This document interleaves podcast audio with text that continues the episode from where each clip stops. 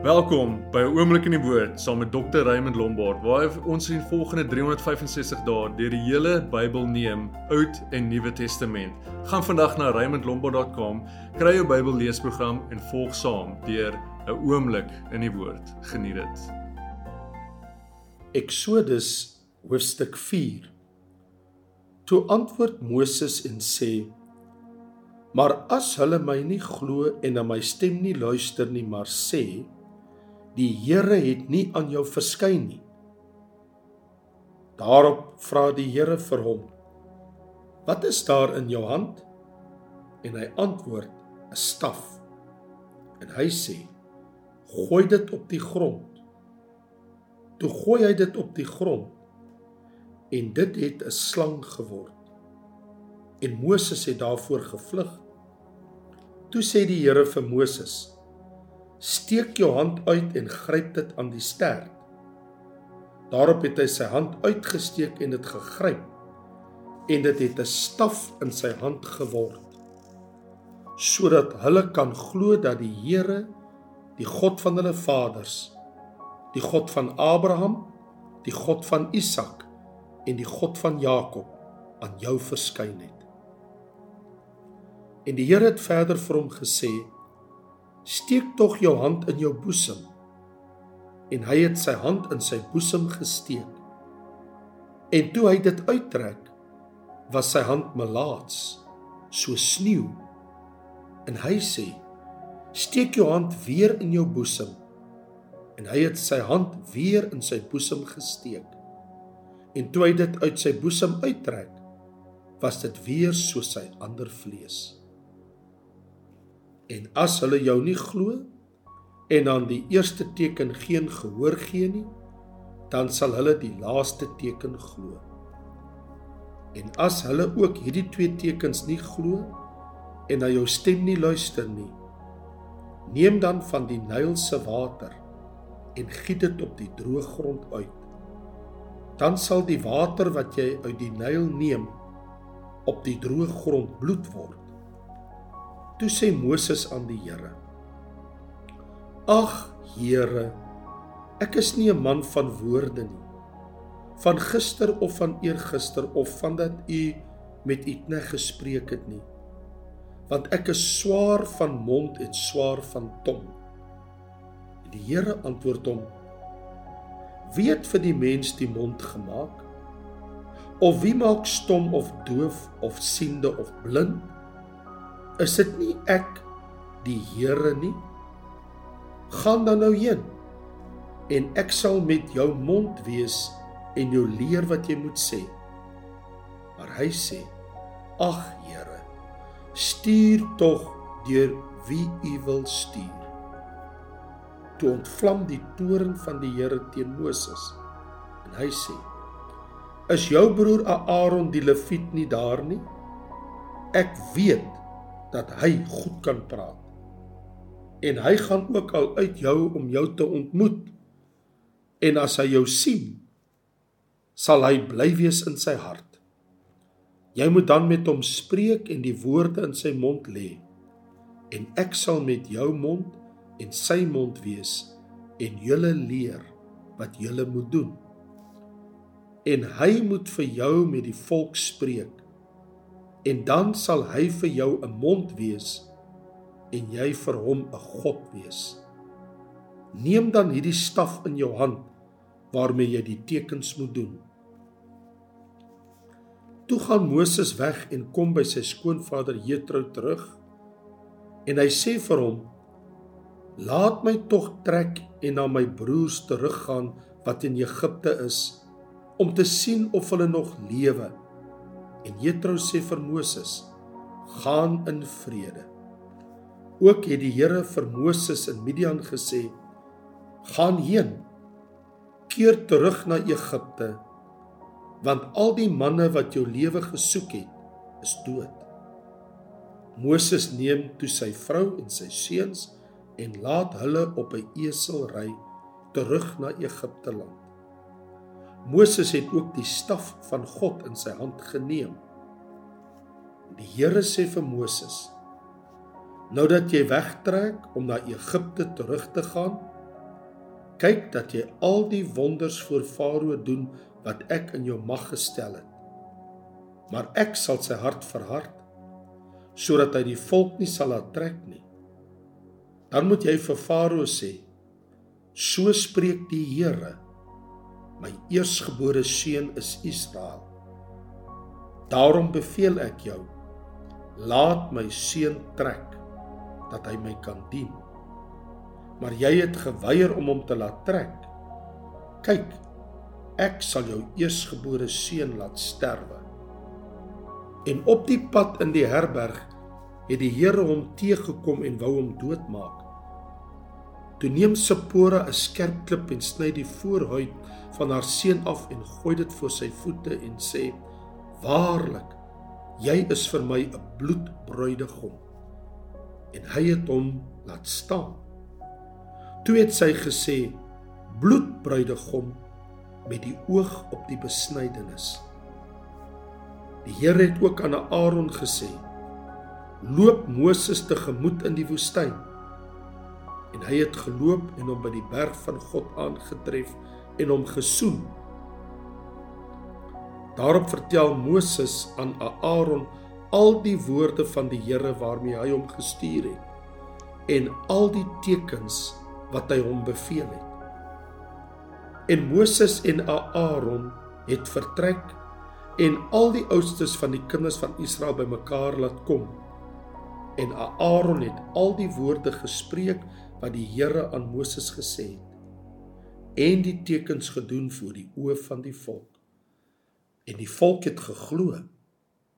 En toe hulle hoor dat die Here op die kinders van Israel ag gegee en hulle elende aangesien het, het hulle in aanbidding neergebuig. Eksodus hoofstuk 5. En daarna gaan Moses en Aaron sê vir Farao: So spreek die Here, die God van Israel: Laat my volk trek dat hulle vir my 'n fees kan hou in die woestyn. Maar Farao antwoord: Wie is die Here na wie se stem ek moet luister om Israel te laat trek? Ek ken die Here nie en ek sal Israel ook nie laat trek nie. Toe sê hulle: Die God van die Hebreërs het ons ontmoet. Laat ons tog 3 dagreise ver die woestyn intrek en aan die Here ons God offer sodat hy ons nie tref met die pes of die swaard nie. Maar die koning van Egipte antwoord hulle: Moses en Aaron, waarom hou julle die volk van hulle werk af? Loop na julle werk toe. Verder het Farao gesê: Kyk, die volk van die land is alreeds baie en julle wil hulle laat ophou met die werk? Daarom het Farao dieselfde dag aan die drywers onder die volk en die opsigters bevel gegee en gesê: Julle moet die volk geen strooi meer gee om bakstene te maak soos gister en eergister nie. Laat hulle self gaan en vir hulle strooi versamel. Maar die hoeveelheid bakstene wat hulle gister en eergister gemaak het, moet julle hulle oplê en niks daarvan verminder nie want hulle is lui. Daarom roep hulle en sê: Laat ons gaan. Laat ons offer aan ons God. Laat die werk swaar druk op die manne dat hulle daarmee besig kan wees en nie op leenagtige woorde let nie. Toe het die drywers van die volk en die opsigters uitgegaan en tot die volk gespreek en gesê: So spreek Farao: Ek gee julle geen strooi nie. Loop haal self vir julle strooi waar julle dit kan kry. Maar van julle werk word niks verminder nie. Toe het die volk in die hele Egipte land rondgegaan om stoppels te versamel vir strooi. En die drywers het aangedryf en gesê: voltooi julle werk volgens die eis van elke dag net soos toe daar strooi was en die opsigters van die kinders van Israel wat Farao se drywers oor hulle aangestel het het slaag gekry met die woorde Waarom het julle gister en vandag nie soos tevore julle bepaalde werk om stene te maak volbring nie? Daarom het die opsigters van die kinders van Israel gegaan en hulle het geweeklaag by Farao en gesê: "Waarom maak jy so met u dienaars? Aan u dienaars word geen strooi gegee nie." En hulle sê vir ons: "Maak bakstene." En kyk, u dienaars word geslaan maar die skuld lê by u volk. Maar hy het geantwoord: Lui is julle, lui. Daarom sê julle: Laat ons gaan. Laat ons aan die Here offer. Nou dan, loop werk. Maar strooi sal julle nie gegee word nie. Ewenwel moet julle die hoeveelheid bakstene aflewer. Toe sien die opsigters van die kinders van Israel dat dit sleg met hulle gestaan omdat daar gesê is: "Julle mag jul bakstene volgens die eis van elke dag nie verminder nie." En hulle het Moses en Aaron teëgekom wat daar gestaan het om hulle te ontmoet as hulle van Farao af weggaan en het vir hulle gesê: "Mag die Here op julle let en oordeel." omdat julle ons gehaat gemaak het in die oë van Farao en in die oë van sy dienaars sodat julle 'n swaard in hulle hand gegee het om ons om te bring. Toe gaan Moses weer na die Here en sê: Here, waarom het U hierdie volk kwaad aangedoen? Waarom het U my tog gestuur? want vandat ek na Farao gegaan het om in u naam te spreek, het hy hierdie volk mishandel en u het u volk glad nie verlos nie. Daarop het die Here Moses geantwoord: Nou sal jy sien wat ek Farao sal aandoen. Want deur 'n sterke hand sal hy hulle laat trek. Ja, deur 'n sterke hand gedwing sal hy hulle uit sy land verdrywe. Matteus hoofstuk 19 En toe Jesus hierdie woorde geëindig het, het hy van Galilea vertrek en in die gebied van Judea oorkant die Jordaan gekom. En groot menigtes het hom gevolg en hy het hulle daar gesond gemaak. Toe kom die fariseërs na hom om hom te versoek en sê vir hom: Is dit 'n man geoorloof om oor allerlei redes van sy vrou te skei?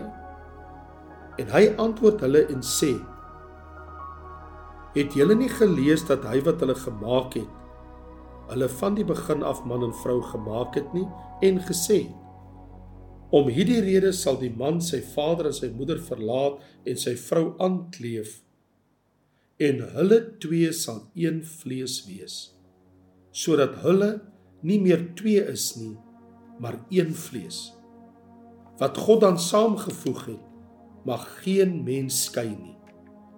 Hulle sê vir hom waarom het Moses dan beveel om 'n skeibrief te gee en van haar te skei? Hy antwoord hulle omdat Moses weens die hardheid van julle harte julle toegelaat het om van julle vroue te skei maar van die begin af was dit nie so nie maar ek sê vir julle elkeen wat van sy vrou skei behalwe oor hoerery en 'n ander een trou pleeg egbreek en die wat die geskeide vrou trou pleeg egbreek sy disipels sê vir hom as die saak van 'n man met 'n vrou so is, dan is dit nie wenslik om te trou nie. Maar hy sê vir hulle: Almal vat hierdie woord nie, maar net die aan wie dit gegee is. Want daar is persone wat onbekwaam is om te trou, wat van die moederskoot af so gebore is.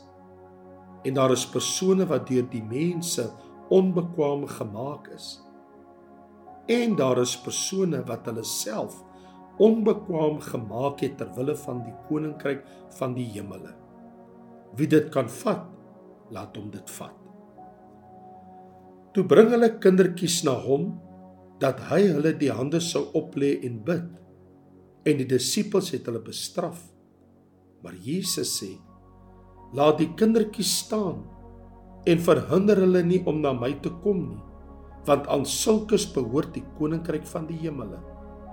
En hy het hulle die hande opgelê en daarvandaan vertrek.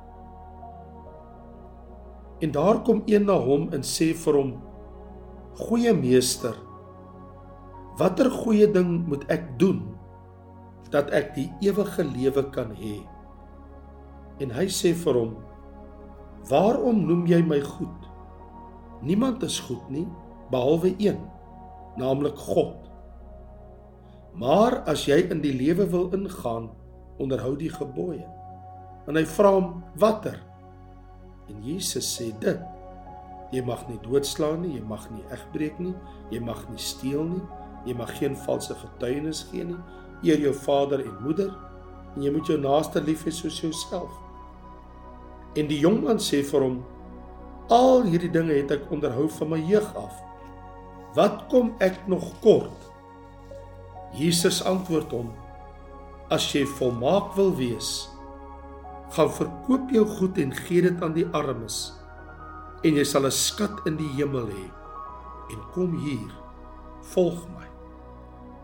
Maar toe die jong man die woord hoor het hy bedroef weggegaan want hy het baie besittings gehad. En Jesus sê vir sy disippels voorwaar ek sê vir julle dat 'n ryk man beswaarlik in die koninkryk van die hemele sal ingaan. En verder sê ek vir julle, dit is makliker vir 'n kameel om deur die oog van 'n naald te gaan as vir 'n ryk man om in die koninkryk van God in te gaan. Toe sy disippels dit hoor, was hulle baie verslae en sê: Wie kan dan gered word? Maar Jesus het hulle aangekyk en vir hulle gesê: By mense is dit onmoontlik, maar by God is alle dinge moontlik. Daarop antwoord Petrus en sê vir hom: "Kyk, ons het alles verlaat en U gevolg. Wat sal daar dan vir ons wees?" En Jesus sê vir hulle: "Voorwaar ek sê vir julle dat julle wat my gevolg het in die wedergeboorte wanneer die seun van die mens op sy heerlike troon gaan sit, julle ook op die 12 trone sal sit." en die 12 stamme van Israel sal oordeel. En elkeen wat huise of broers of susters of vader of moeder of vrou of kinders of grond ter wille van my naam verlaat het, sal 100 maal soveel ontvang en die ewige lewe beerwe. Maar baie wat eerste is, sal laaste wees en wat laaste is, eerste. Dankie dat jy by ons ingeskakel het. Ons vertrou dat die woord vir jou tot seën was. Skakel gerus môre in waar ons verder lees in die woord.